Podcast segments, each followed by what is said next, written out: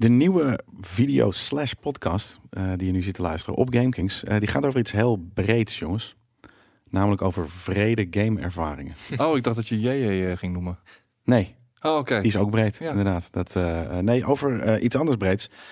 Vrede gameervaringen. Dus dan kunnen we misschien gelijk met, met, met de deur in huis vallen. Skate, wat is jouw allervreedste, je, je single, gewoon je allervreedste gameervaring? Ehm, ik denk dat dat inherent is aan mijn, mijn persoonlijk beste game ever. eh, Bloodborne. Alles in Bloodborne is één grote... Nee, dat gruwelijke- dat kan niet. Wat? Eén moment. Eén moment... ehm, Niet de vreedste game, dat telt niet. Jezus. Het, het vreedste moment uit, weet je, misschien dan Bloodborne. het is een aaneenschakeling van. Ja? Die vormen uiteindelijk dat ene game moment dat dan weken duurt, zeg maar. Misschien maanden. Een weken. Dat, dat is niet wat we hier aan het doen zijn. Maar er moet toch één moment ook zijn waarbij je dacht van... Eh, Fuck, is net dit als- is Bloodborne, dit is vet. Eh, het moment dat je dat door had. Was dat er voor jou? Voor mij namelijk wel. In, in- bij een andere game dan, maar ook bij Bloodborne wel. Het moment dat ik eh, Old Yarnum instap of zo. Ja, zoiets. Weet je, Ja, dat is tenminste Jezus, het is moment. net als- Bloodborne is voor mij tantric seks. Het is een orgasme dat wekenlang duurde als het ware. Ja? Waarbij er aan het einde alleen nog maar zo, de st- stof uitkwam. Ik, ik vind het heel moeilijk te zeggen. Ik heb niet. Ik, ik krijg flitsen langs, weet je wel. Eh, Dat, dat is met Bloodborne. Bij, bij, eh, wanneer ik bepaalde bazen. eh, aan, weet je, de gevechten aanga. Maar ik bedoel. Waarom heb je niet een, een, een favoriete baas of dergelijks? En waarom dan Bloodborne en niet, niet een, eh, eh, een, een andere Souls game? Een Souls game, punt. Omdat de algehele spelervaring in Bloodborne eh, zoveel beter en soepeler en geolieder was. De, de, de complete wereld, eh, die voelde veel meer aan als een eenheid. Eh, minder gesegmenteerd dan sommige andere Dark Souls games. Met name Dark Souls 2 was meer gesegmenteerd. En ehm, Bloodborne voelde voor mij echt aan als één perfect geheel. En, maar goed, ik bedoel, ja, dat is dan voor mij een allesomvattende gameervaring. En verder heb ik nog wel een, eh, een hoop andere speciale gameervaringen. Maar ik bedoel, Ja, misschien kunnen we, daar zo meteen, los. eh, ja, kunnen we daar zo meteen eventjes eh, naar gaan eh, luisteren. Wat is voor jou je favoriete gameervaring, Kevin? Eh, dat is het einde van The Last of Us. Als ik het zeg maar heel simpel als, oké, welke game en welk moment, dan was het het einde van The Last of Us. Ja. Ehm, maar er zijn zoveel bredere momenten. Eh, en dan heb ik het over bijvoorbeeld eh, Super Mario 64 helemaal doorspelen met mijn vader. Maar als we het echt puur over ehm, echt een game moment hebben, Ja, een moment. Einde van The Last of Us, dat is misschien wel het beste einde in een game ooit. Ja. En dat eh, komt, eh, ik weet niet, is het iets wat, wat, wat we gaan zeggen? Die game is al wel een hele tijd uit. Deel 2 is op komst. Mhm. Mag ik uitgebreid uitleggen waar dat vandaan komt? Of Tuurlijk. is dat te spoiler heavy en gaan we dat niet doen? Eh, nou, ja, die game is zo lang uit en dat is dit item. Dit item Ja. vanaf nu inderdaad, mocht je inderdaad The Last of Us nog niet gespeeld hebben, misschien ga je schamen. Ten tweede, eh, er komen spoilers van The Last of Us. Ja, nou oké, cool. Dan ga ik ook echt exact uitleggen. Skate, let eh, even waar- op, want dat wil ik dan ook dat je dat zo meteen doet over je Bloodborne moment. Want dit wordt goed, dat weet ik nu al. Het komt zo goed uit de verf. En het is zo'n gedurfd einde wat ze bij The Last of Us doen.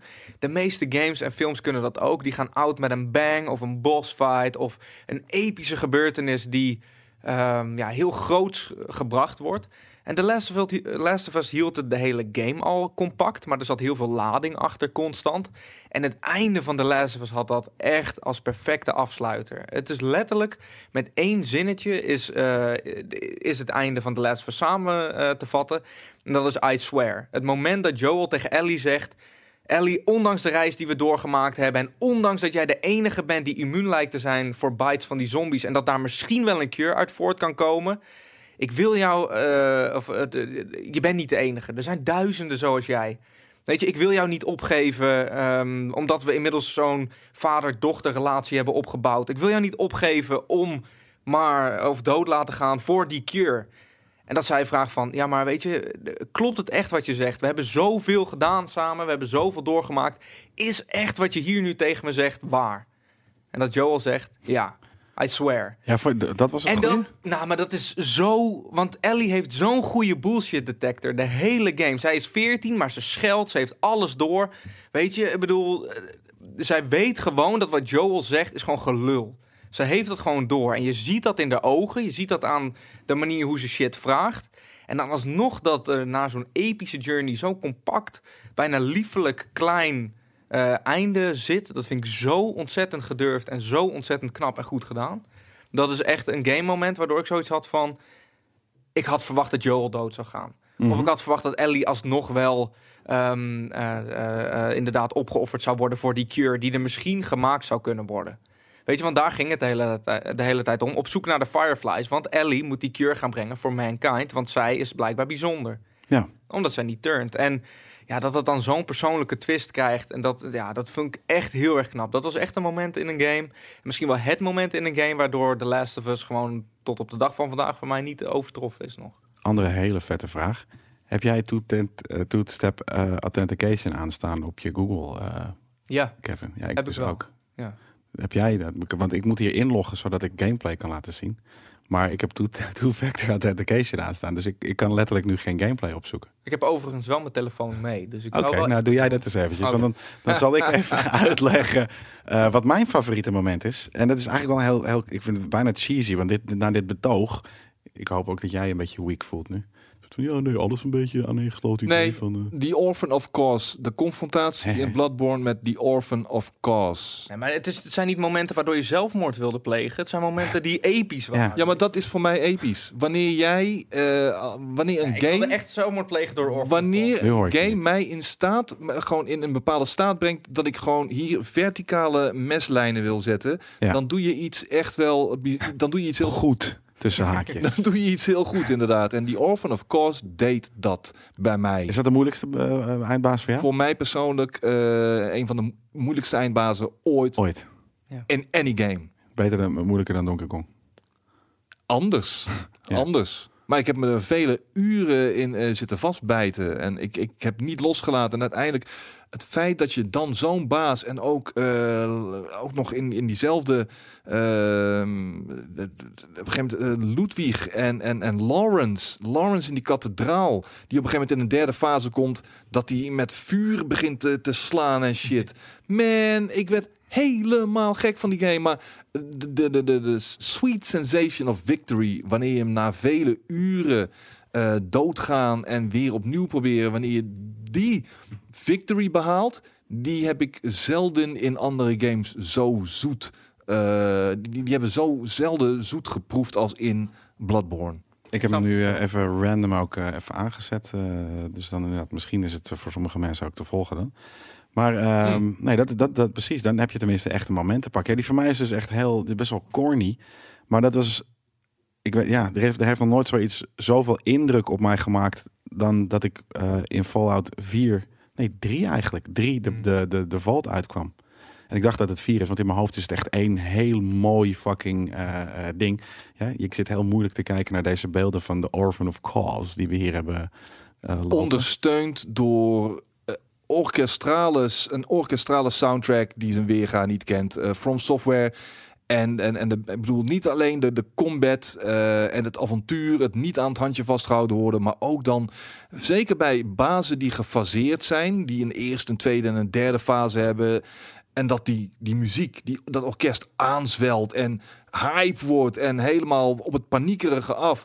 En, Ja. en dat zorgt ook voor dat extra zweet in je handen. Want je merkt fuck, de muziek zwelt aan. Ik ga hier een nieuwe fase in. En ik ga waarschijnlijk keihard mijn ass gekikt worden. En je, je gaat eerst dood in die eerste fase. Vervolgens ga je na zoveel tries dood in die tweede fase. En uiteindelijk kom je bij die derde fase. Je weet, dit is het laatste stuk. Ik heb hier nog gewoon zo'n stuk van die health bar. Terwijl het ook in het verleden zelfs zo is geweest dat je een health bar leeg maakte. En dat er dan bijvoorbeeld een tweede vijand ook nog bij kwam. En hoppatee, dan kwam er weer een hele eh, volle HP-balk bij. Bij een, een Dark Souls of een Demon Souls bijvoorbeeld had Ja, dat die ook. Prince had het eh, in, eh, in Dark Souls 3. Bijvoorbeeld, ja. weet je wel. Dat je denkt van nee. En dan heb je nog maar twee files over. Of twee eh, van die HP refill shits, weet je wel.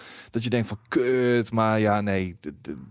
Orphan of course is hands down. Samen met The Nameless King in Dark Souls 3. Want dat was er ook één waar ik volgens mij... ik- Die heb ik on stream ooit gedaan. En dan ben ik tien uur mee bezig geweest. En op een gegeven moment was het 12 uur 's middags. Wauw, En toen had had ik zoiets van mensen, het is, het is genoeg geweest. En Ja. dat ik dan de volgende dag in een half uurtje. offstream, gear uit, het zwaarste schild, mijn zwaarste wapen in één try vervolgens gewoon Die- alsnog haal. weet je Zonde wel. is dat, Ja. dat dat niet op stream is. Nee, dat is zonde, maar tegelijkertijd Slaap, hè? Dat is ook slapen. Het slapen, je hebt gewoon slaap nodig. Ook dat, ook dat. En Want de- dat zijn wel die momenten die me altijd zullen bijblijven. En Ja. de laatste baas uit Dark Souls 3 dan, de DLC. Dan heb ik het. Ik weet niet wat, wat zijn soort van eh, titel is, maar ik geloof dat hij Gale heet. Hmm. Die was ook zo goed, want daar kwam alles voor mij juist perfect samen. Alles kwam samen met Gale inderdaad. Alles wat jij als Demon Souls, Dark Souls 1, 2, Bloodborne speler aan bagage hebt opgedaan, Mhm.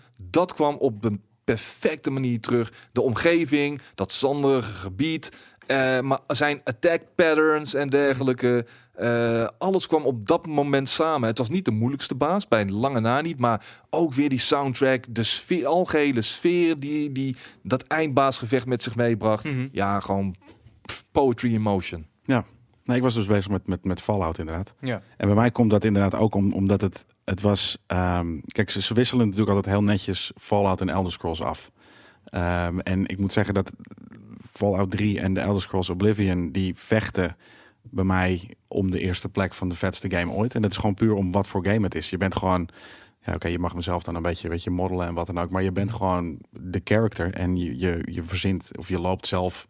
Je kiest je verhaal in de spelwereld en wat. En zo graag met jou eh, Dungeons and Dragons willen spelen. Ja, Echt gewoon hier zo. Desnoods doen we het bij bierdopjes, want dat kan echt perfect. ja. Gewoon echt dat één iemand de Dungeon Master is en dat we dan hier gewoon een heel episch gewoon... Ja, ik vind dat een goed idee. Melle die heeft wel wat ervaring volgens mij met het zijn van een dungeon master zelf. dat is zo fucking Dus, eh, en ik wilde eigenlijk altijd al inderdaad al een, een, een, ehm, een serie maken, gewoon de Board Kings die we hebben. Mhm. Maar dan hem steeds wat moeilijker maken, zodat we ook steeds wat serieuzer into eh boardgames raken. En dan als eind een echte Dungeons and Dragons session. Heel cool. Dat is tof, toch? Dat Ja, is misschien nee, ook wel iets leuks voor de wintermaanden of wat dan ook. Maar nou ja, Ik heb wel een dat. idee, maar daar gaan we over zitten. Die shit is fucking gruwelijk. Ja, maar nou, sorry, dat, ja. dat dus, weet je. Maar dus, dus om, om wat de game is, om, om, om wat het met mij doet, weet je. Ik ben echt in een andere realiteit. Het is es- escapisme eh puur zang. Ehm, en, en ik had, nou ja, een paar jaar eerder was ik lekker heel frivol door, door ook, daar heb ik ook een hele goede herinnering aan hoor, maar door Oblivion, eh, die wereld ervan eh, gelopen. Eh, met, met die vette soort van deuren naar eh, de, die andere dimensie waar, waar die fucking eh, ja, vijanden... Ik, ik moet Ja, de Oblivion Portals. en ja, hoe heet ze nou ook weer? Oh, de Daedric natuurlijk. Ja. daar inderdaad waren en, en zwaarden zoeken en dit en dat. En ik vind het, wat ik daar tof van vind, zoals bijvoorbeeld, ik zit nu weer, ehm, en daar hadden we het laatst over, Kevin, dat we, we zijn nu weer toe aan een vette sci-fi fix. Want het had bijvoorbeeld Mass Effect moeten worden, weet je. En, maar er komen meer, eh, eh, bijvoorbeeld, weet je, voor Kingdom Come hebben we dit jaar nog gehad. Meer medieval, meer, eh, die is nog geen fantasy, maar fantasy games. Dus we zijn weer, ik heb dat altijd. Bij mij, ik moet eerst een hele vette fantasy game spelen. En dan weer een vette sci-fi film. Of sci-fi game. En dan weer een, een fantasy game. En dan weer een sci-fi fi- game. En ehm, dit was dus na, nou ja, misschien wel mijn vetste game ooit. eh, Oblivion. kwam ik die hele vette openingssequence uit van dat je dat kind was. Ik had zoiets van, nou weet je, eh, altijd in een, in een RPG word je wakker. En het is Fallout altijd 3 zo. heb je het over nu, hè? Ja, van Ja. ja. drie ben ik inderdaad dus nu weer. Weet je, dus na eh, die, die, die, die epische ervaring die ik, die ik eh, eh, eh, Oblivion vond, was ik weer toe aan, aan de sci-fi game. Nou ja, en ik moet zeggen, dus ik, ik noem dan Fallout eh, de, post-apocalyptische setting, vind ik ook enigszins wel sci-fi. Eh, met al die guns en, en lasers en wat dan ook.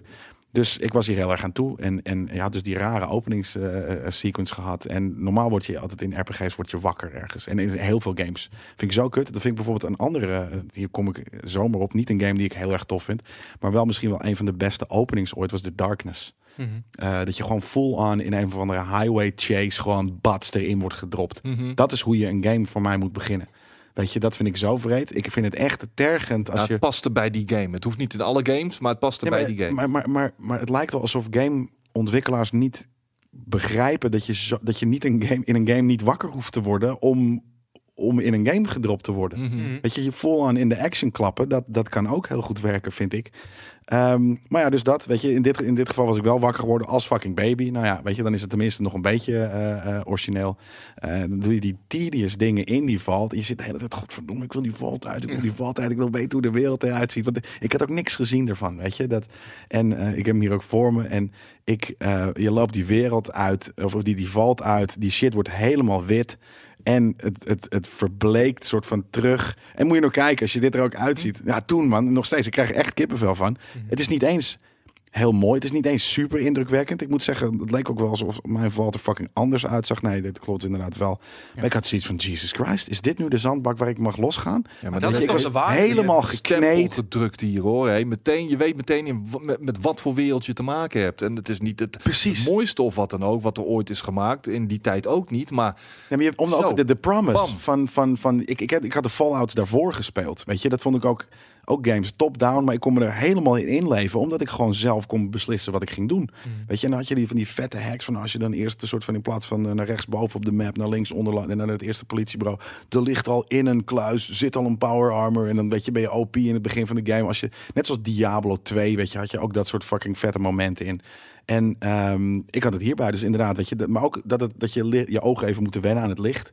En dat je dan, ja, ik vond het echt heel erg knap gedaan. Dus Ja, had was ik en nou, effectief, maar ik had ook zoiets bij deze opening zelf. Is, ehm, het is heel klein in basis van wat er gebeurt. Weet je, je loopt een valt uit. Ja. De lading van het opgroeien in die valt, maar ook zo van, oké, dit avontuur wat daar aan gaat zitten komen, Begint. dat Ja. begint gewoon hier. En ja, dat. ja, wat, het entaelt, zeg maar, dat stukje, dat vond ik ook heel mooi. Precies, nou ja, dat Ja. precies. Weet je, de, de promise van je weet van ongeveer wat Fallout qua setting doet. En je Mhm. weet ook door eh, de Elder Scrolls game wat je ongeveer kan gaan verwachten qua gameplay. Nou, ik had zoiets van, nou, daar gaan we, weet je. En ik heb me inderdaad echt, dat, dit is een van de weinige games die ik heb genolived samen met, eh eh, met, met Elder Scrolls. Same here. En een van de nog impactmakende eh, momenten. Niet veel verder in deze game. Word je al geconfronteerd of sta je al voor een hele ingrijpende keuze. Ja, Terwijl je nog amper gewend bent aan het, het rondbanjeren in de wereld. Een van de eerste nederzettingen waar de je... eerste, het eerste grote stadje het waar je komt. stadje waar je komt. Sta je al voor een keuze. Ga ik die fucking shit laten exploderen en de boel wegvagen? Of hou ik het intact? En ja, dan moet je het maar mee. Da, je weet je, en, en leef met deze ongelofelijke Ja. bom hier in je. In Ja, je of, in of je niet, want je hebt daar natuurlijk eh, eh, ook je, je, je, je, je- een huis eh, bijvoorbeeld. Eh, ik heb namelijk bijvoorbeeld ook, en dat is inderdaad het grappige, en daarom vind ik dat zo grappig. Jij hebt dat misschien ook echt aan het begin wel gedaan van de game. Wat? Ik- die, die, de, de, de, de, de, de switch geflipt of niet. Nee, Je hebt het uitgesteld. Ik heb het uitgesteld. Ja, ik dus ook. Maar dat bedoel ik, dat kan. Dat is geniaal. Je kan letterlijk in de eerste, nou wat zal het zijn, twee uur, want je moet nog wel wat dingen doen in Megaton, kan je gewoon inderdaad zo'n ingrijpende eh, eh, beslissing maken. Maar het toffe eraan, je hoeft het niet te doen. Je kan het ook op een gegeven moment, weet je, op een gegeven moment ben je ook wel klaar. Weet je, heb je, weet je dat je alles daar hebt gedaan. Toen had ik er, volgens mij heb ik het wel gedaan toen ook, omdat ik zoiets had van, nou weet je, ik ben nu wel klaar met het stadje. eh, er zitten niet veel meer, weet je. I moved on. Flip. Oh cool, weet je, dat is hoe het, hoe het, hoe het Ik kan het niet over mijn hart verkrijgen. Nee? Nee, nee. Ik Je wil te veel altijd... band met connectie met, met, de, met de bewo- bewoners die daar waren. Die fucking... Mijn eerste playthrough met dat soort games, of het nou gaat om een Fallout of Oh, een Mass Effect, is altijd de goody, altijd de goody two way. Altijd. Ik kan niet de Paragon kant meteen al kiezen in een Mass Effect of in een Elder Scrolls. Ja. Ik, ik ben Maar- er heel slecht in. Speel je wel zo games? Speel je wel dat je dus... eh, want ik speel het naar mijn gevoel. Al dat soort games. Dus, en dat is het, ook enigszins een mankement van, van het spelen van dit soort RPG's. Want vaak heb je perks als je inderdaad heel goed of, of heel bad gaat aan, aan die kant. Eh, maar ik, ik, ik, ik eh, kan mezelf niet per se zo'n rol aanmeten als een... Nu ben ik de, cool, de goede gast. Ja, ik dus Weet je, wel. ik, had zoiets, ik heb, nee, maar ik heb zoiets van, oké, ik, ha, ik haat deze guy. Ik ga nu Het niet ligt doen. eraan. Als het me echt dan is de game er niet goed mee om aan het gaan. En Mass Effect, dat is een van de weinige dingen die ik heel vervelend vond aan Mass Effect. Er werd gewoon letterlijk bij gezegd, als je dit doet is het goed en als je dat doet is het fout. Ja, maar ja, die Paragon choices, weet je. Dus dan was je in een, in een, gevecht en dan had je die, die engel en die Paragon dingen. En ik had zoiets van, maar ik wil, mijn reactie in deze game moet echt zijn. En of dat nou Paragon of, of dinges is, het, moet, het gaat om mijn reactie en niet Ja. om het feit of ik... Want dan vertelt inderdaad, wanneer jij, wat je zegt, dan vertelt de RPG, die een roleplaying het game Ja. moet zijn, vertelt me ineens inderdaad wat mijn rol moet gaan zijn. Ja. Nee, dit wil ik zelf Het bepalen. is letterlijk de dice rollen, maar de uitkomst al weten, zeg maar. En Ja. daardoor heb ik zoiets van, dat is inderdaad helemaal niet een RPG-ding voor me. En dat is dan ook gelijk, denk ik, en ik weet niet of we daar eh, naartoe mogen, of dat, of dat überhaupt mag in deze podcast, maar eh, ik heb nog wel een moment of een game die die impact juist wel heel erg goed deed, en dat was The Witcher 3. Ja. Ik denk dat we het daar allemaal wel over eens zijn. Het is ook niet een hele moeilijke keuze. Nee, Ehm, maar er is ook niet. Er waren trouwens ook memorabele quests, inderdaad. Weet je, daar hebben wij het inderdaad Ja. ook vaak over gehad, eh, Kevin. Maar ehm, daarin is er niet een. Er is ook niet echt een gameplay-principe dat, dat draait om slecht of, of eh, goed. Nee, het is heel natuurlijk zit het erin. En als jij, en want daar kon ik dat wel heel erg goed. Daar kon ik echt precies inderdaad wat jij zegt. eh, van handelen vanuit, oké, wat zou ik in deze situatie doen? Terwijl als zij daar hadden gezegd van, ja, maar als je dit doet, dan eh, sluit die zich niet meer bij je aan. Dan had ik weer gedacht van, ja, kut. Weet je, en Ja, maar ik vind het af en toe wel leuk om die, om die, game. Ja, omdat, ze- omdat, omdat hij het je niet vertelde waarschijnlijk. Precies. En, en er waren natuurlijk, ja, maar er waren ook natuurlijk wel Nilf Guardians die zoiets hadden van, eh, wat de fuck eh, eh, eh, kom jij nou doen of wat dan Mhm. ook. Maar Ja. eh, het was minder duidelijk, het werd je minder duidelijk verteld hoe of wat. Over die, die keuze inderdaad. Ik vond namelijk, het kan ook wel goed worden gedaan, ook al weet je het wel. Fable. Dat is zeg maar, afgezien van dat... Ja, dan draait het er echt om. Ja, weet Ja. je, dus dat, dat je op een gegeven moment er wat meer demonic uitgezet. En ik moet zeggen, daar heb ik het, die, die heb ik wel echt tig keer uitgespeeld. Ik ook. Ehm, Ja. En ik heb hem de eerste keer zoals ik hem altijd inderdaad speel, gewoon op mijn eigen gevoel. Dit is hoe ik zou antwoorden in, de, in deze situatie. Maar daarna heb ik hem inderdaad ook gewoon eh bad gespeeld en daarna ook nog een keer goed. Ehm, en dat- ik snap dat die frustratie inderdaad wel hoor. Dat je, van op, dat je op een gegeven moment keuzes maakt die je eigenlijk gevoelsmatig niet wil maken. Om for sake of the gameplay. Dus dat doe ik dus voor de sake niet, of the gameplay. Dat, is doe ik kut. dus ook niet. En dat, dat inderdaad, dat deed Mass Effect bij tijd en wijle wel. En dat is Ja. zonde. Maar ehm, wat, er zijn helaas nog te weinig voorbeelden waarbij je een, een satisfactory, eh, gewoon een, een satisfying eh, uitkomst krijgt op basis puur van jouw gevoelsmatige beslissingen. Dat kan eigenlijk Ja. nog wel beter Ja, zeker. in veel games. Nou, Nier Automata had dat op bepaalde momenten. Ja, ja, ja, dat wel. Vond ik heel erg. Ik bedoel, en dan heb ik het echt over hele simpele dingen. Op een gegeven moment krijg jij, en ik weet niet meer of je hem nou van een merchant krijgt of als een quest reward, maar krijg je een vis. En of je die eet of niet, als je hem eet, ga je letterlijk dood. Ja. Met je character. Gewoon puur van van Androids horen het niet te eten of Androids kunnen het niet tegen. Er zit dan weer een onderliggende gedachte achter. En dan begint je game gewoon opnieuw. En als je niet had gesaved, was je ook echt daadwerkelijk fucked. Want dan Ja. werd je gewoon teruggezet door het eten van een vis. Weet je, de keuze deed er niet eens toe. Maar gewoon de achterliggende gedachte erachter. En het maken van de keuze zonder het weten van de uitkomst. Was zo sterk bij zo'n simpel voorbeeld Ja, al. tof. Ja. Dat, eh, Een vraag aan jullie. Hoe gaan jullie hiermee om? Je maakt een, een reeks aan beslissingen bijvoorbeeld in een RPG. En je komt er twee, drie, vier uur later achter dat die ene guy of dat ene gebied eh, niet aanspreekbaar of toegankelijk is. En je hebt dus, waardoor je voor je gevoel zoiets hebt van fuck, ik mis hier een, een, een, een impactmakende chunk aan gameplay of storyline die ik nooit meer ga aanraken, tenzij ik vier uur terug ga in mijn game en een oude save game Of oppak. hem helemaal opnieuw opstart. Maar gewoon letterlijk gewoon een keer opnieuw speelt nog. ik Maar- denk Ja. dat je nu heel erg doelt op eh, Detroit Become Human. Of eh, dat soort games in ieder Maar, geval. nee, maar daar heb je de keuze. Daar heb je de keuze. En bij heel veel Ja, RPG's, tuurlijk, ja. gewoon oldschool meer RPG's, heb je dat juist niet.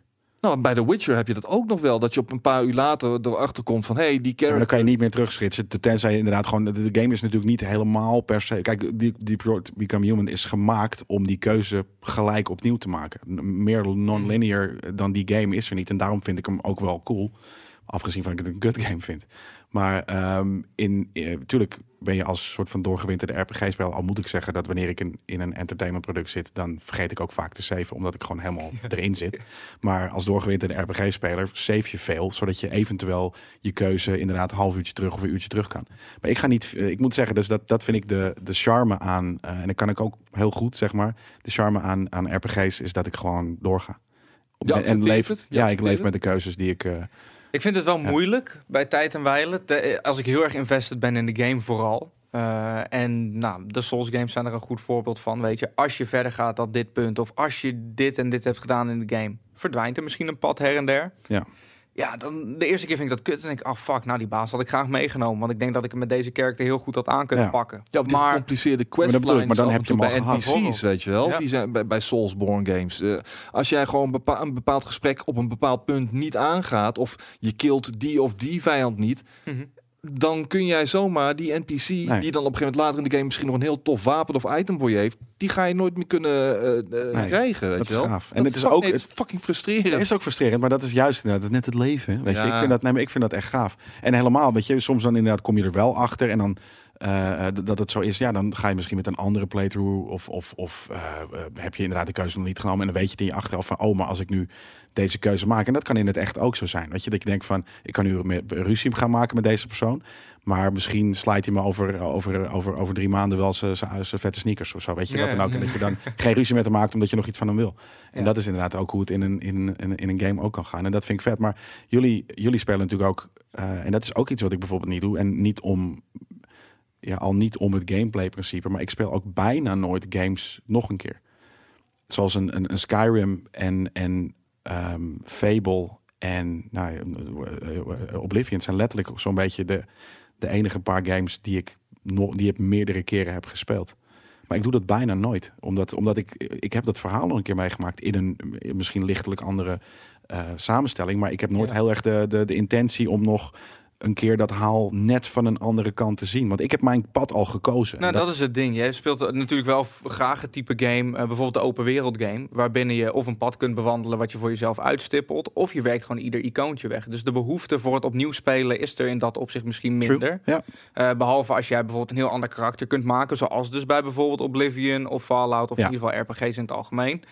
Ehm, maar ik speel wel ook graag gameplay games. Tenminste, dat is eh, een, iets als Celeste, een Hollow Knight, weet je. Ik bedoel, die kun je prima spelen op de, op de PC, maar misschien zelfs wel beter in sommige gevallen op de Switch. En dan zal ik hem daar zeker nog een keer spelen. Dus dan hang, is het afhankelijk van het platform waarom ik hem een tweede keer zou spelen.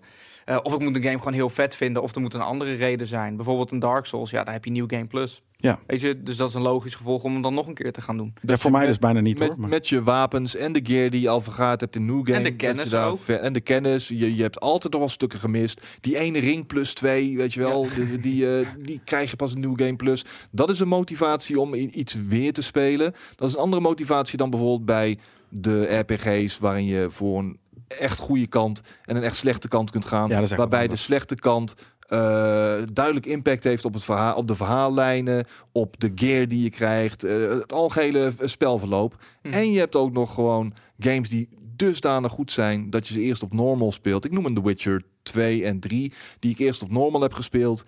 En waarvan ik dan zoiets heb van, laat me eens even zien wat je hebt op Death, op Death March, weet Ja. je wel, op de allerhoogste En dan, dan moeilijkheidsgraad. speel je hem ook uit. Dan speel ik hem uit, ja. Ja, bizar. Tof. Maar dat is omdat die game zoveel goeds brengt dat het totaal niet aanvoelt als een herhalingsoefening, zeg maar. En je kunt ook tijdens dat pad kun je het ook gewoon wat anders aanpakken en zo, weet je wel. En je weet al wat je grotendeels krijgt. Je weet dat de uitdaging groter wordt, maar je weet je er beter tegen te wapenen. En voor jezelf die, die uitdaging aangaan van de hogere moeilijkheidsgraad en het opnieuw ma- masteren, dat is ook eh, reden genoeg om hem weer opnieuw te wi- willen spelen. Hey, andere vraag. Is dat, zeg maar, de, de voorbeelden die we noemen zijn vrij recent? Omdat het natuurlijk ook iets is dat, dat ja, gra- graphics worden steeds indrukwekkender. Je gaat steeds meer een soort van smaak ontwikkelen waarvan je denkt van oké, dit moet wel het summum zijn voor mij. Maar heb je ook eh, dingen die, die, weet je, van, van oude games waarvan je nog weet van oh ja, weet je, toen en toen. Ik heb er wel een paar namelijk hoor. Dat, eh, eh, want, want je, zou, je gaat automatisch denk je natuurlijk aan dingen die vrij recent in je geheugen eh, gegrift zitten. Maar ehm, ik heb bijvoorbeeld Ehm, dat waren die Twilight CD's, weet je. Die, had ik ook, die heb ik ook wel een paar van gehad. En dat waren niet die Twilight, maar die andere. Volgens mij van dezelfde maker ook. Dus ik had niet de Twilight, ik had die andere, omdat die gewoon, weet ik veel. Die verzamel DVD's met games. Ja, met games inderdaad. En dan waren sommige games ook uitgekleed en dit en dat. was super grappig. Maar ehm, er was een game, eh, er is een game genaamd Quarantine. Kennen jullie die? Misschien kent Skate die nog wel. Is dat een soort horror game? Nee, het, is, het was een, een soort van ehm, taxi. Je bent een taxirijder in een post-apocalyptische wereld. Dus je kan je taxi armen met wapens. En dan moet je gewoon mensen van A naar B brengen. En dat was het. Maar met wapens. Dus Ja. onderweg kom je dus challenges Onder mensen, tegen. onderweg Ja. komen er mensen tegen die willen overvallen op straat. Ah, of ja, weet je, die gooien een fucking granaat naar je. Of, of eh, ze komen aan met auto's. En er zijn, weet je, nog shadier neighborhood, eh, neighborhoods dan normaal en dit en dat. Dus echt heel erg, weet je, er was voor de rest ook weinig. Nou, er was wel verhaal, maar sterker nog, ik was zo jong, weet ik niet eens meer. Maar ik had zoiets van, Jesus Christ, weet je, waar ben ik nu in beland? Dus gewoon überhaupt het feit dat games je, ehm, dat was toen inderdaad al, dat, dat games je iets kunnen presenteren waar je nou ja, je zit niet meer op je zolderkamertje. Je bent ineens echt heel ergens anders op een fucking vette plek. Iets wat films natuurlijk ook kunnen. Ja. Dat was voor mij eh, bijvoorbeeld heel eh, memorabel en, en echt heel erg oud. Ik denk dat die game uit, nou weet ik veel, 596 komt, eh, als, als ik het zo mag gokken. ja. Ander ding is Street Fighter. En dan iets heel specifieks, namelijk de achtergronden. Dat zeg maar, dat Mhm. ik, dat ik zoiets in, weet je, ik on- onbewust als kind zat, zat te spelen. En ik dacht van, oké, maar dit is nu één setting. Maar die gast staat daar, weet je, zo'n zo'nzelfde Ja. fucking herhalende move te doen de hele tijd. Maar ik had zoiets van, oké, maar ik ben hier nu op een fucking vismarkt in Hongkong. Of ik, ik sta hier nu op die pier die auto in elkaar te, te rossen voor punten of zo. En ik had zoiets van, ik vond het zo cool dat, dat games en eigenlijk gamemakers je dus op een plek konden brengen waar je op dat moment zelf niet was. En, eh, dat ze, Ja. en toen helemaal dat ik dacht van, oké, maar dus dit zal misschien ook wel helemaal niet een bestaande plek zijn. Maar deze mensen hebben dit bedacht. Weet je, dus toen, toen is het soort van, denk ik, de creatieve spark in mij losgebarsten. Dat ik dacht van, oké, weet je, je kan dus dingen maken waarin een andere persoon zich heel erg kan inleven of, of weet je, de, de- Ja. iets vet vindt. Ja, toen, toen was ik verkocht ro- rondom überhaupt media, denk ik. eh, en dat, dat kwam echt door Street Fighter. Nou, dat snap ik wel. Ja, het ding waar ik dat vooral heel erg mee merk, omdat er ook echt actief op geleund wordt, is puzzle games. Bijvoorbeeld een Portal 2. Ja. Er zijn zat puzzels geweest. Eh, Ik denk Memorabele twee, game drie. ook gewoon, ja. Ja, me- natuurlijk, sowieso. Maar ook echt puzzels, waardoor, waardoor ik dacht van...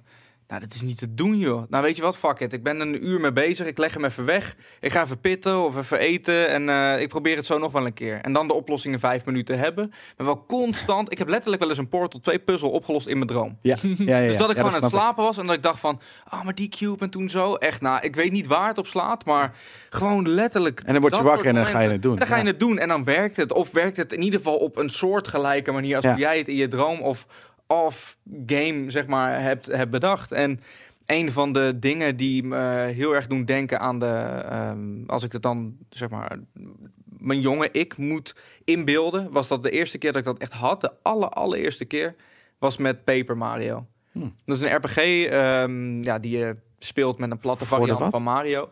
Voor de Nintendo 64. 60, ja, precies. En eh, op een gegeven moment, en ik heb dit laatst ook al een keer in mijn Nintendo 64 item eh, gezegd, maar voor degenen die dat hebben gemist, op een gegeven moment zit daar een puzzel in dat je een deur door moet. En op die deur moet je kloppen en dan komt iemand naar buiten en die zegt, nee, je hebt geen pas, je mag hier niet inkomen. Ja. Een logisch gevolg wat je gaat doen, is die pas zoeken. Ja, dit is het Behalve dat die pas er niet is. Op, maar... Dus die pas is er gewoon niet. En je ziet hier ook, in dit geval is dan een soort van sparkly, ik weet de namen niet meer exact, maar een soort van sparkly eh, beest achter je aanvliegen voor degene die eh, het item kijken. En eh, je hebt dus een companion. En een van die companions is een spookje. En die kan je Mhm. uiteindelijk onzichtbaar maken. En ik had echt zoiets van, nou, die pas is nergens te vinden. De waarzegger in de game, die heeft geen idee wat ik wil, weet je. Die vertelt me ook niet wat ik moet doen. Mijn vader snapt het niet. Niemand in die game wist gewoon... wat Je vader? Ja, echt in real life. Oh, ik wou net zeggen, En ik dacht in de vader van Mario. Nee, nee, nee, nee. En in-game wist niemand wat te doen. En Ja, en weet je, ik kon ook niet echt bellen over internet of weet ik het wat allemaal. Dus op een gegeven moment klikte het voor me dat ik dacht van, maar ik kan ook heel even tijdelijk onzichtbaar worden. Toen ben ik op die deur gaan kloppen, die Ghost Companion geëquipt. Heel even onzichtbaar geworden toen die guy naar buiten kwam van, hé, hey, je hebt geen pas. Die dacht van, huh, er is hier helemaal niemand. Die liet de deur openstaan, waardoor ik uiteindelijk naar achter hem aan naar binnen Ja. kon lopen. Dat soort dingen. Heeft echt letterlijk een paar dagen geduurd. Ja, maar ja, dat is, dat is ook wel een slimme fucking puzzel. En dat inlevingsvermogen, wat jij dan inderdaad heel erg op creatief gebied hebt, eh, dat kan ik ook gelukkig heel erg hebben. Het is ook een nadeel. Ik kan me heel erg verliezen in werelden. Ik bedoel, World of Warcraft heeft echt zoveel geneukt. maar ik bedoel, Ja. En dan met die puzzels ook zo bezig zijn en dan het nog steeds weten hoe dat moet. Dat, eh, ik zou 99% van die puzzels nog op, moet, op kunnen lossen in de game. Dat, Ja. eh, Vet. Ik, ik ben nooit een eh, goede puzzelguy geweest. Maar er zijn, ik voor mij persoonlijk zijn er weer andere momenten die, die mij bij zijn gebleven. Ik ga bijvoorbeeld. Iets wat ik nooit zal vergeten is eh, Resident Evil 1. Bijvoorbeeld, Ja. op het begin van de game. ehm, dat je op een gegeven moment. Je bent in, in, in, in, in die, die mansion. Je hebt volgens mij recht voor je een deur. En rechts of zo bij een trap heb je, rechts heb je ook nog een deurtje, een smaller deurtje. Hm. Die, sma die smallere deur leidt naar een, een, een, een, een smalle doorgang met rechts ramen, weet je wel. En je, je, je stapt er al binnen en je denkt, die ramen, ik vertrouw ze niet. Ik vertrouw ze niet, die ramen, weet je wel. En je gaat lopen en wat komt er vervolgens? Door die ramen knallen, een stel van die bloodhounds, weet ik veel wat, die je toch weer gewoon helemaal de pleuris laten schikken. Terwijl je echt van tevoren al wist van, hier gaat iets gaat iets gebeuren. En ja. zelfs al weet je het, dan nog het moment dat die kuthonden door die, eh, door die ramen springen. En Die, die maken zo'n impact dat je het vervolgens gewoon helemaal nooit meer zult vergeten. Ik ben daar op een gegeven moment nog wel volgens mij een keer uh, baden dit zweet wakker van geworden eh, in diezelfde week dat ik die game speelde. En het is grappig als je dan ziet hoe het eruit ziet. Dat is Ja. wel echt heel... eh, Ja, maar dat dit- maakt dit- dus niet zo heel veel uit, denk ik. Want ik denk Nee. ook dat dat met inlevingsvermogen te maken heeft. Want eh, ik heb precies dezelfde ervaring gehad als skate, alleen toen op de DS. Ik heb dit, dit zeg maar in die tijd nooit op deze manier meegemaakt. Eh, behalve dus dat ik Hier was jij bang voor, de Skate. remake eh, op de Ah, DS heb bang niet. Ik ben, nooit, ik ben nooit Badend bang. in het zweet ben- wakker geworden. Ja, maar, maar gewoon omdat ik ontzettend heb geschrokken, eh, ben geschrokken van, Ja. die, van Ja, dat moment, ja. weet je wel. Ja. Het is wel grappig dat het voor iedereen universeel is, want iedereen kent die honden inderdaad. Dat, eh, iedereen die Resident Evil 1 heeft gespeeld, en, eh, die, die weet die honden nog. Hey, en een ander ding, weet je, de- de Street Fighter was echt mijn jeugd, of niet een ander ding, maar, maar Skates eh, gamejeugd gaat natuurlijk een stuk verder terug. Heb je daar nog, weet je, dat je echt gewoon, heb je bijvoorbeeld dingen als, als, als arcade memories of een, een, een game waarvan je dacht van, nou, daar heb ik echt heel veel tijd aan besteed. Zat. Commodore 64 sowieso. Uh, Bruce Lee. Eh, en de tergende jumps. En het feit dat ik een eh, cracked version had die tot 80% volgens mij ging van de game. Want hij crashte Oei, altijd op 80%. En je moest altijd helemaal opnieuw beginnen als je Ja. doodging. Eh, maar oh ja, de gekste dingen joh. Ik bedoel, eh er was ook een, een, een, je had een Michael Jackson dansgame. Moonwalker. Is- Was dat Moonwalker? Oh, ja? dansgame niet. Nee, dit dans- was, dat was die beat 'em up, was Moonwalker. Nee, er was een dansgame ook van Michael Jackson. En ehm, je had ook nog breakdance. Je had inter- international karate. Ja, je- maar wat me het meest bijgebleven is van de tijd... eh, op de Commodore 64 is het aantal eh, controllers dat wij eh, gesloopt hebben dankzij International Track and Field en, en Decathlon en Hyper Olympics. Dat waren toch wel de games waar ik het meeste tijd in heb gespro- gestoken en waar ik ook echt gewoon eh, altijd weer obsessief records probeerde te Ja. verbreken. De competitieve aard in mij is echt aangewakkerd ten tijde van de Commodore 64. Toen ik een jaar of... Wat was ik toen? 11, 12 of zo. En ehm, ja, bedoel, kijk je daar nu naar terug, denk je, jezus, wat een ontzettende sprite-bende is dit. Ja, Maar, natuurlijk, maar dat, dat was toen maar voor die tijd was het fantastisch, man. En ehm, ja, weet je, zoveel mooie, bijzondere games gespeeld. Pitfall, Frogger, weet ik veel wat allemaal. En ook arcades van, van, van eh, Phoenix tot eh, Mutant Camel en, en Green Beret. Commando, Who Dares Wins, al die shit. Eh, ik, ik moet echt even meteen, zeker met dit zomerse weer, zwembad het ei, had je twee, drie kasten staan. Je had Green Beret, je had Phoenix en je had Space Invaders. Nou ja, ik ben daar zoveel guldens aan kwijtgeraakt. joh. Ja. Ik, zat, ik zat vaker in die, achter die arcadekasten dan dat ik in het zwembad zat. Met, met dit weer notabene, weet je wel. Wat misschien ook wel memorabel is, weten jullie nog jullie allereerste game ooit? Jullie hebben gespeeld? Ja. Wat was dat? P- eh, Pong. Lekker cliché. Ja, nee, ja, maar ik was vier en we zaten op de Olo-lijn, die pont van eh, Nederland naar, eh, naar, naar, naar Engeland. En ik was, ik, ik was vier jaar en er stond zo'n gigantische tabletop, wat, wat Ja. het was, met twee van die ronde ballen erin. Oh, niet van die, eh, van die draai. Nee, ronde ballen. Ja. Het waren van die ronde ballen, zeg Ja. maar, weet je wel. En een, een, een tv-schermpje met twee streepjes en lijnen in het midden en een, een, een blokje dat op en neer ging. Ja. Ik- met mijn vier jaar. Wat de fuck is dit? Kind, kind, een kind van vier in 1976 is in geen veld of wegen te vergelijken met een kind van vier anno 2018. Nee, die zitten al op wel. iPads. De- hè? Die zitten al. Dat bedoel eh, ik. Een kind van, van 4 in 1976 vergaapt zich aan iets wat hij nog nooit eerder gezien heeft en raakt instantly hooked, eh, gewoon, gewoon mesmerized als, als het ware, eh, aan, aan iets. En dat is nooit meer eh, weggegaan eigenlijk. Vanaf het moment dat ik die pong heb kunnen checken, is, is mijn leven nooit meer hetzelfde geweest. Dat is denk ik het meest impactmakende gaming moment voor mij ooit. Mijn eerste confrontatie met, mijn eerste kennismaking met, met Pong, de tabletop. Ja, precies. Nou, dit is dan niet echt de tabletop. Dit is nog met die knop, met die draaiknopjes inderdaad. Maar wat Ja. was dat voor jou? eh, weet jij nog je eerste game, eh, Kevin? Ik denk dat dat Super Mario 64 is geweest. Ja? Best wel echt al wel een 3D-game. eh, maar dat is echt de eerste game die ik me echt, echt kan herinneren. Maar 64. Ehm, Gewoon op de N64. Ja. Je hebt niet SNES gegamed nog. hè? Die, die, die tijden heb je niet meegemaakt. Nou ja, dat kan me niet meer zo vivid herinneren als, als deze game. Dus ik heb Ah, vast inderdaad Ja. eens bij mijn oma vroeger op knopjes mogen drukken eh, op de NES en de SNES en weet ik het wat allemaal. Maar ik heb nooit echt zeg maar een game helemaal, in dit geval samen met mijn vader, maar van begin tot eind uitgespeeld. Dat, dit is de eerste game waarvan ik me dat echt nog Oké. 110% kan herinneren. Dat was voor mij Prince of Persia. Oké. Dat ik inderdaad ook samen met mijn pa, die had een kantoor eh, eh, naast, eh, ja, bij zo'n winkel. En eh, daar zat hij dan inderdaad vaak, weet je, de administratie te doen en dit en dat. Maar het was ook een PC, dus op een gegeven moment, ja, heeft hij het zelf waarschijnlijk wel eens eh, laten zien dat je Mhm. er games op kan spelen. En dus ook Prince of Persia, dat hij dat ook eh, speelde. En toen eh, ben ik dat ook gaan doen. En dat, nou, ik weet nog dat ik daar maanden aan heb gezeten om dat uit te spelen inderdaad. En af en toe mijn pa inderdaad, terwijl hij aan het werk was, van hey, heb je hier nog een tip voor, voor, de, voor dit level? en zo af en toe weet hij soort van, ja, weet je dit of dat. En af en toe zegt hij, nou, ik heb geen idee, weet je. Maar Mhm. op een gegeven moment inderdaad toen, toen uitgespeeld. En de, de, allereerste game eh, die ik, waarvan ik weet dat ik hem heb gespeeld... was ehm, een, een Asteroid gewoon op, op Amiga. Of wat Ja. dan ook. Maar ik weet gewoon letterlijk, ik probeer hem nog wel eens op te zoeken af en toe. Mhm. Maar dat, dat Misschien is mijn allereerste wel Super Mario Land op de Game Boy Classic. Misschien is dat hem wel, onderweg op vakantie. Ja. En dat uiteindelijk toen de Nintendo 64 erin is gekomen. Maar dit is dus, ja, nogmaals, dit is echt de eerste game. en ja, samen met mijn vader uitgespeeld. Ja, nice. Hey, zijn er dingen die noodzakelijk zijn om een memorabel? Weet je, zijn er ingrediënten waarvan je hebt, zo, als dat eh, bij- in een game zit, dan, dan is hij waarschijnlijk voor mij al memorabel. Ik denk dat het wel van persoon tot persoon afhangt. Ja, tuurlijk. Maar wat, is dat het- eventueel voor jullie? Eh, Zijn die dingen er? Bij mij is het namelijk ja. weinig hoor. Bij mij zijn er niet echt vaste ingrediënten. Bij mij is inderdaad dus dat, dat punt van als een game mij zo'n overtuigende alternatieve realiteit geeft, dan, dan is het voor mij waarschijnlijk wel al, al memorabel. Als, als inderdaad het over me overdondert, bijvoorbeeld met keuzes. Mhm. No Man's Sky bijvoorbeeld, ook voor mij echt een memorabele game.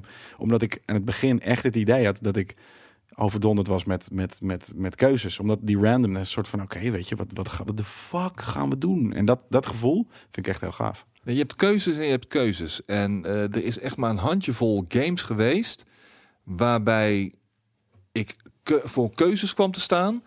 Waarbij ik echt even de game op pauze heb gezet. Ja, Even ben gaan opstaan. ja En een blokje ben gaan lopen. Precies. En van, oké, deze keuze is ingrijpend. Dat betekent dat, dat in de aanloop na die keuze die game al een heleboel goed heeft gedaan. Die game heeft mij Ja. namelijk, die heeft indruk op mij gemaakt. En als jij mij op een punt krijgt, op een gegeven moment op driekwart van de game, of tegen het einde van de game, of misschien al halverwege de game, dat ik echt moet opstaan en even een blokje moet gaan lopen om na te denken over welke beslissing ik ga nemen, omdat er verregaande gevolgen aan verbonden zijn. Ja, of dat je, ja, of je weet niet eens wat, die, wat, die, wat, die, wat die dingen gaan zijn, maar je weet, je, je wil inderdaad Je voelt- de juiste je voelt, keuze je maken. voelt het gewoon, je voelt het aan je Ja. water. Je voelt je het wil nog even de, weet je, de laatste paar uur wil je nog een keer door je hoofd laten gaan en denken van oké, wat is de vetste eh, keuze die ik hier kan maken? Ja. Maar en ik er kan zijn me niet veel weinig keuzes herinneren. Als ik terugdenk aan Mass Effect, tuurlijk, weet je. eh, of eh, The Witcher. Ik kan me wel dingen herinneren. Ja, ik wel hoor. Maar er is niet echt een keuze dat ik denk van, nou, wow, nou, pff, deze keuze. Jezus. Ik wel, want eh, maak ik deze keuze, dan is de kans groot dat ik eh amfibie-chick eh, niet ga Ja. kunnen neuken in Mass Effect, weet je wel.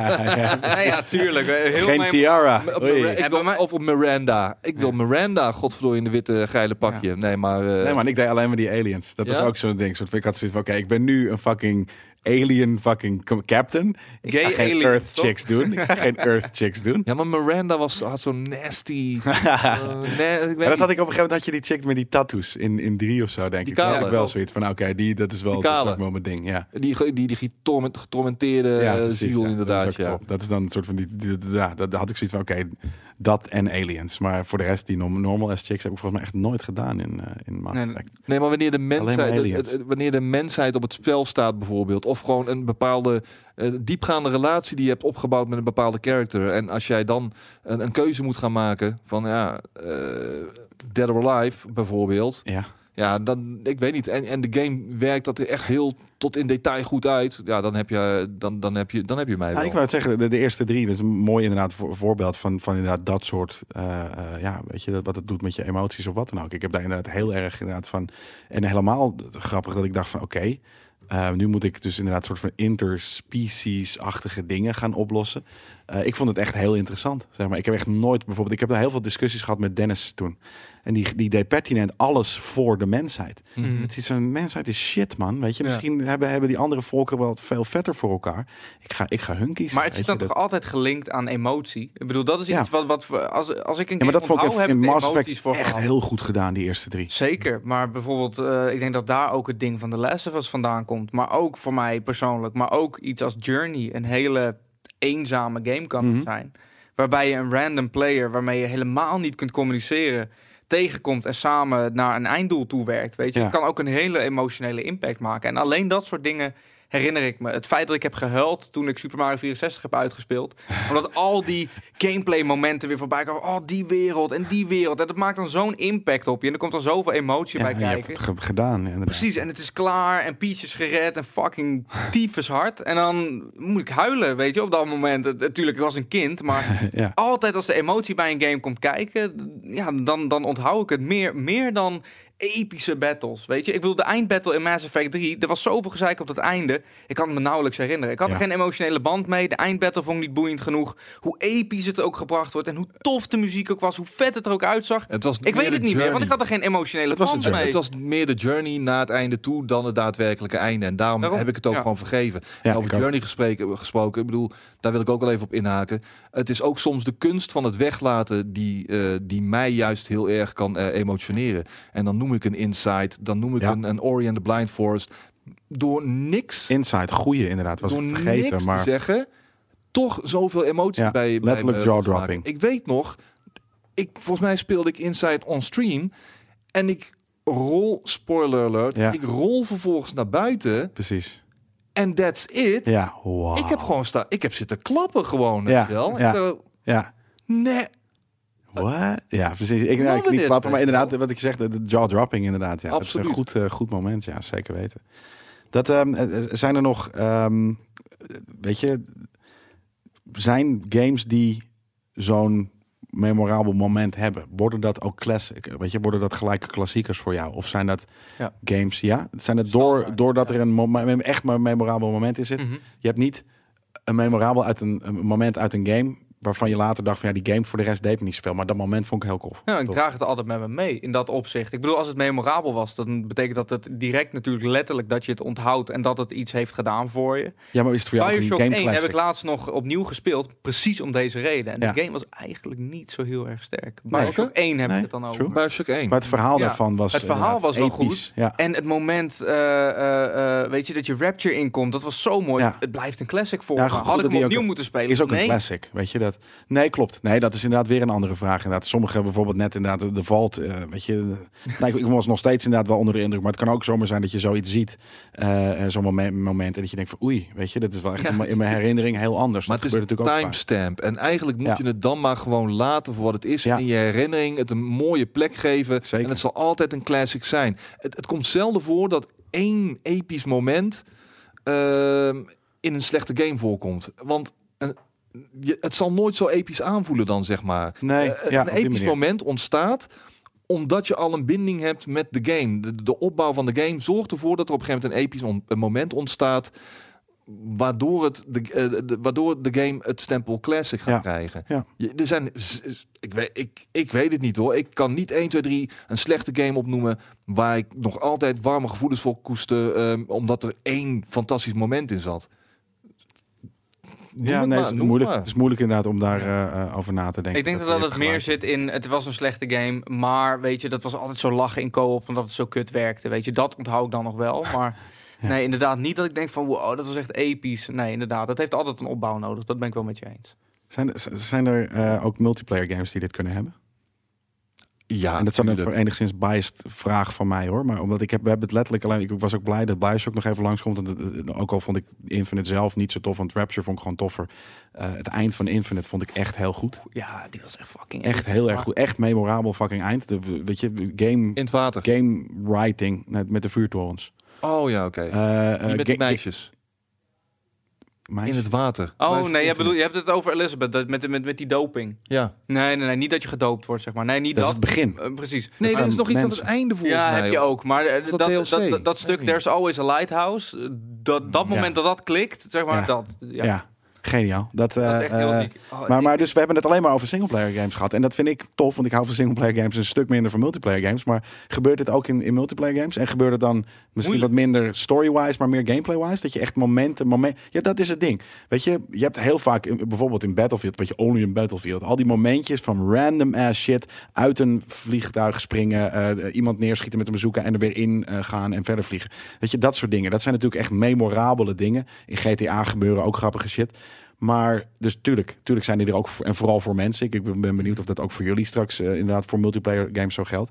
Maar ehm, ja, zijn die net zo impactvol überhaupt als een heel vette emotionele singleplayer rollercoaster? Ja, minder, minder. Omdat je, ik bedoel, je speelt een Vind ik ook hoor, maar dat is natuurlijk een een mening. potje, je speelt en je epische kill. Of ik bedoel, wanneer ik in Rainbow Six, Six een, heel een schaarse ace maak, dat ik in mijn eentje eh, alle, alle vijanden, eh, tegenstanders neerknal. Heerlijk. Ja. Maar dat gebeurt nog wel een keer. En dat gaat nog een Ja. keer gebeuren.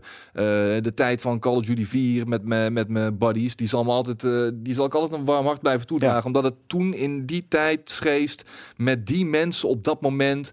Waarin we dan met op eh, in, in de game mode headquarters de, de, de top 100, de top 500, weet ik wat, allemaal in, indoken. Dat zijn die momenten die je altijd zullen bijblijven en die, die zullen speciaal zijn, maar die maken toch op een minder emotionele impact Ja. dan dat eh singleplayer, gewoon bepaalde momenten of, of singleplayer avonturen. Nou, op een andere manier. Inderdaad, niet Ja. een emotionele impact per se. Maar inderdaad, ja, ze kunnen wel memorabel zijn. Want de keer dat je bijvoorbeeld inderdaad een ace maakt, weet je, dat, dat kan inderdaad heel veel impact hebben. De enige online game waarbij ik het echt in de buurt vind komen van story games is World of Warcraft. Ja. Dat is letterlijk Ja. omdat er ook een verhaal in zit. Precies. Dat, ja. Ehm, dus het is, ja, het, ja, technisch gezien is het een online game. Maar daar zit zoveel in. Ik heb echt momenten, weet je, letterlijk mensen gemiet uit andere landen van die, door die game bij wijze van, weet je. Gewoon, en ook al is het via Discord of in real life of van, nou, hè, ik ben toevallig toch hier en hier in Nederland. Dat soort shit, dat vind ik ook heel memorabel. Want dat vind Zeker, ik ook een hele ho- Ja, grote emotionele waarde hebben. En, ehm, Loud. Telt. Top. ja, ik, Wat zeg je? Ik zeg dat dit telt. dit telt, mag. ja. Ik heb, ik heb ook vriendschappen. eh, er zijn vriendschappen ontstaan die ik tot op de dag van vandaag nog steeds heb. Door online Call of Duty 4 met bepaalde mensen van, van mijn generatie te spelen, bijvoorbeeld. Weet je wel. Ja. Maar gewoon eh, mannen en vrouwen met wie ik vandaag de dag nog steeds gewoon goed contact heb. Ja, dat, in dat opzicht heeft het ook zeker wel impact Ja. gemaakt. Ja. Ja, Vet hè, gaming. Ja heerlijk. Ja, fucking goed, ja. Daarom, ik zit nog steeds... Ik zit, want ik ben constant bezig wel met het item, maar ik zit constant... Te Eh, denken aan al die dingen. Ja, ik te het ook. Laatst. Unreal. Ik, ik ben helemaal geen multiplayer gamer. Ik had Unreal. Heb ik gewoon op een gegeven moment zat ik in een clan met gewoon letterlijk gasten uit mijn klas. Maar we waren best wel goed. En op een gegeven moment had je een van de beste clans ter wereld. Want dat is een e-sports clan. Element of Fire. Vind ik, weet ik nog steeds. Dat vond ik ook Mhm. een heel. Ik was toen al. Ik had zitten. Hé, of dat is zo'n vette naam. Element of Fire. Maar we hadden ze gebied. Weet je, zij waren aan het practicen gewoon online. En we hadden ze gewoon ge- te pakken. Ik had zoiets van, nou, vet. En dus ik, er zijn nog een paar van die flarden van die game.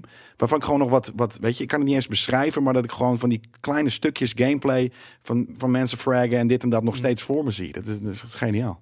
Ja, maar het is ook wel weer gelinkt aan die emotie. En dat, eh, dat Ja. is hetgene wat, wat ik denk ik wel... En daarom zeg ik ook van... Ik ben wel constant aan het denken van... Waar kan het dan voor mij ergens anders in zitten? Maar als het emotioneel gezien niks met me gedaan heeft... vind ik het automatisch niet memorabel. En Nee, misschien kom ik er misschien ook, ook minder snel op. En ja, multiplayer games doen dat moeilijker. Maar de, de highs in multiplayer zijn denk ik wel heel high. Omdat ze gewoon schaars zijn. Ja. Ja, de adrenaline die loskomt wanneer jij bijvoorbeeld 245-0 achter staat in headquarters bij, Gears, eh, bij, Gears, bij, bij Call of Duty eh, Hmm. bijvoorbeeld. En eh, het gaat tot 250. En die epische comeback, weet je wel. Vervolgens pak jij headquarter naar headquarter. En het, het momentum is opeens aan je zijde. En je wint uiteindelijk dan toch met 205, 250 tegen 245. En dan ook nog tegen diezelfde Franse kutgasten. Die je al in het voortraject, in, de, in die maanden daarvoor al vaker eh, tegenover je hebt staan. Die, waarvan je weet dat ze ook in die top 500 bivakeren. Ja. En dan toch nog gewoon die last minute eh, victory uit het vuur slepen. Dat, dat zijn eh, voor multiplayer wel Ik wou net zeggen, nu beschrijf je natuurlijk ook gewoon e-sports. Weet je, dat is, Oh. dit, dit is waarom mensen e-sports kijken eh, voor een groot gedeelte voor dit soort situaties. Ja, toen was er van e-sports niet of nauwelijks sprake. nee, nog niet maar. echt. Nee. Maar dat was gewoon puur een online aangelegenheid waarbij je dan eh, ja, de, de, de, de adrenaline ging echt gewoon door het dak heen op zo'n moment. En die intense vreugde die je dan deelt samen met je vier, vijf eh, buddies met wie je die game dan speelt op dat moment, ja, die, die is ongeëvenaard hoor. En laatste vraag. Wat, wat is jullie laatste memorabele moment? Ik kan wel beginnen met die van mij, zodat jullie kunnen nadenken. Dat was namelijk eh, ehm, eh, het eerste gevecht, het eerste grote gevecht in God of War. Ik vond het, ik was heel lang, eh, ik was niet, weet je, helemaal niet, ik was niet per se psyched voor die game, want ik had zoiets van, nou, gangetje, gangetje, ik ken het wel. Het is niet de game die ik graag speel, want ik speel graag dingen met vrijheid. Ehm, en ik zat het, nou wat is het, anderhalf uur te spelen of zo, misschien een uur, ik weet het niet eens. En nou, die game deed precies wat ik dacht dat het zou doen. Namelijk gewoon, weet je, af en toe kon ik letterlijk mijn pookje vooruit halen. Weet je, met die kano en wat dan ook. En eh, eh, dus ik had zoiets van, maar het had me te pakken. En dat gevecht vond ik zo vreed dat ik dacht van, oh fuck, het zit nog steeds in me. Dat ik wel gameplay games, het is natuurlijk lang niet alleen maar een gameplay game hoor, maar dat ik gameplay in games nog steeds tof vond. En, en weet je, dus in dit geval dus inderdaad, weet je, hack and slash-achtige shit. Dat was de op een- Stranger, toch, denk ik? The Stranger, ja, Ja, precies. Ja, oei, oei, oei, een wat de een toffe character hoor. Jesus Christ. Dat, eh, ja, dat vond ik, eh, vond ik eh, dat was mijn, mijn laatste. Veel mensen vonden hem tegenvallen. Die... Nou, die mensen moeten gewoon kappen ermee. Dat kan, dat kan niet. maar je kunt niet de Stranger tegen vinden vallen. Dat is echt Ja, maar de beste hij boss is fight. zo- hij Het, is was- het was zo anime as fuck. Weet je? Ja, natuurlijk. Nee, Zo maar daarom, daarom vond ik het Ja, zo cool. was Het was geen... Ja. Ja, het was geen behemoth of wat dan ook. Nee, Nee. Het, het was een, het was een guy met een fucking Keltisch accent Maar of wat dat dan. maakt En, het voor mij ook hartstikke tof. Maar, Episch, ja. eh, maar er zijn heel veel mensen die daar niet Nou, mee eens zijn. Dat is wel inderdaad. maar het was ook anime shit, weet je? Gewoon die, eh, die gewoon... Door die. Ja, alsof ik Oh, een ja. soort van inderdaad God of War meets Vikings eh, meets eh, eh, Dragon Ball aan het doen. Ik had zoiets van, Jesus, wat is dit joh? Wat Ja. vet. Ja, dat was heel sterk. Ik denk dat die voor mij inderdaad ook wel heel hoog staat. Ehm, als ik kijk naar recente games. De laatste, ja.